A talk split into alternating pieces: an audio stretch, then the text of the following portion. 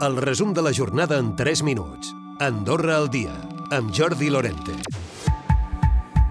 Aquest dimecres eh, s'ha fet l'últim adeu a Antoni Martí, l'excap de govern entre 2011 i 2019 ha estat a l'església de Sant Pere Màrtir, Escaldes, en Gordany, que s'ha quedat petita per acollir els centenars de persones de l'àmbit polític, social, econòmic i també molts vilatans del Comú Escaldenc, on Martí va ser cònsul ha humiliat eh, la cerimònia Joan Enric Vives, l'arquebisbe d'Urgell i copríncep del país, destacant la part més humana de Martí, del qual ha lluat el tarannà dialogant, un home que, segons Vives, estimava per sobre de tot el seu país i la seva família amb una trajectòria pública de servei en els diversos càrrecs que va exercir. L'arquebisbe d'Urgell ha enfatitzat en el deute que la societat andorrana tindrà sempre amb Martí. I el sector immobiliari sosté que el mercat de lloguer està completament aturat, amb preus que segueixen pujant. N'en parlen la gent de la propietat immobiliària, l'Higini Martínez Illescas, i també l'Àlex Navarro. Ara mateix estem tan afectats que no tenim cap oferta, perquè jo ara mateix no puc ofertar cap lloguer, ni a 1.200 ni 1.500. Alguns n'hi han, el que passa que són preus eh, que pràcticament els, els que treballem no podem pagar. I mentre la Seu d'Urgell és un dels 262 municipis on es limitaran els pisos turístics a Catalunya arran del nou decret impulsat pel govern català i que obligarà a renovar aquestes llicències cada 5 anys, aplicant un topall de 10 pisos per cada 100 habitants.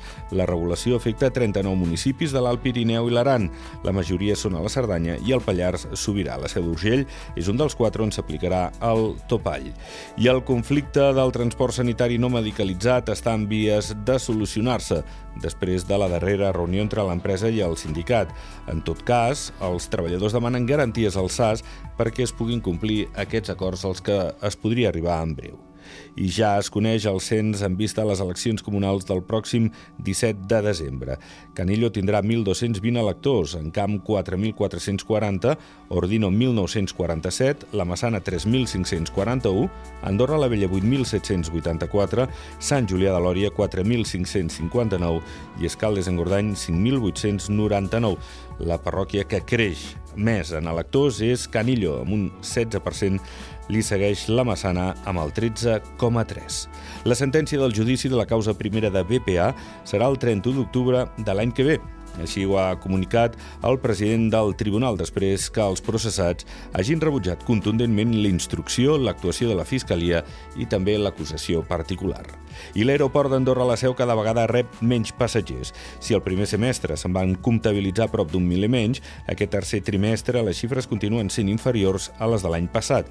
Entre juliol i setembre s'han rebut 2.000 viatgers, un 15% menys que en el mateix període de l'any passat. També han caigut les operacions, en aquest cas un 16%.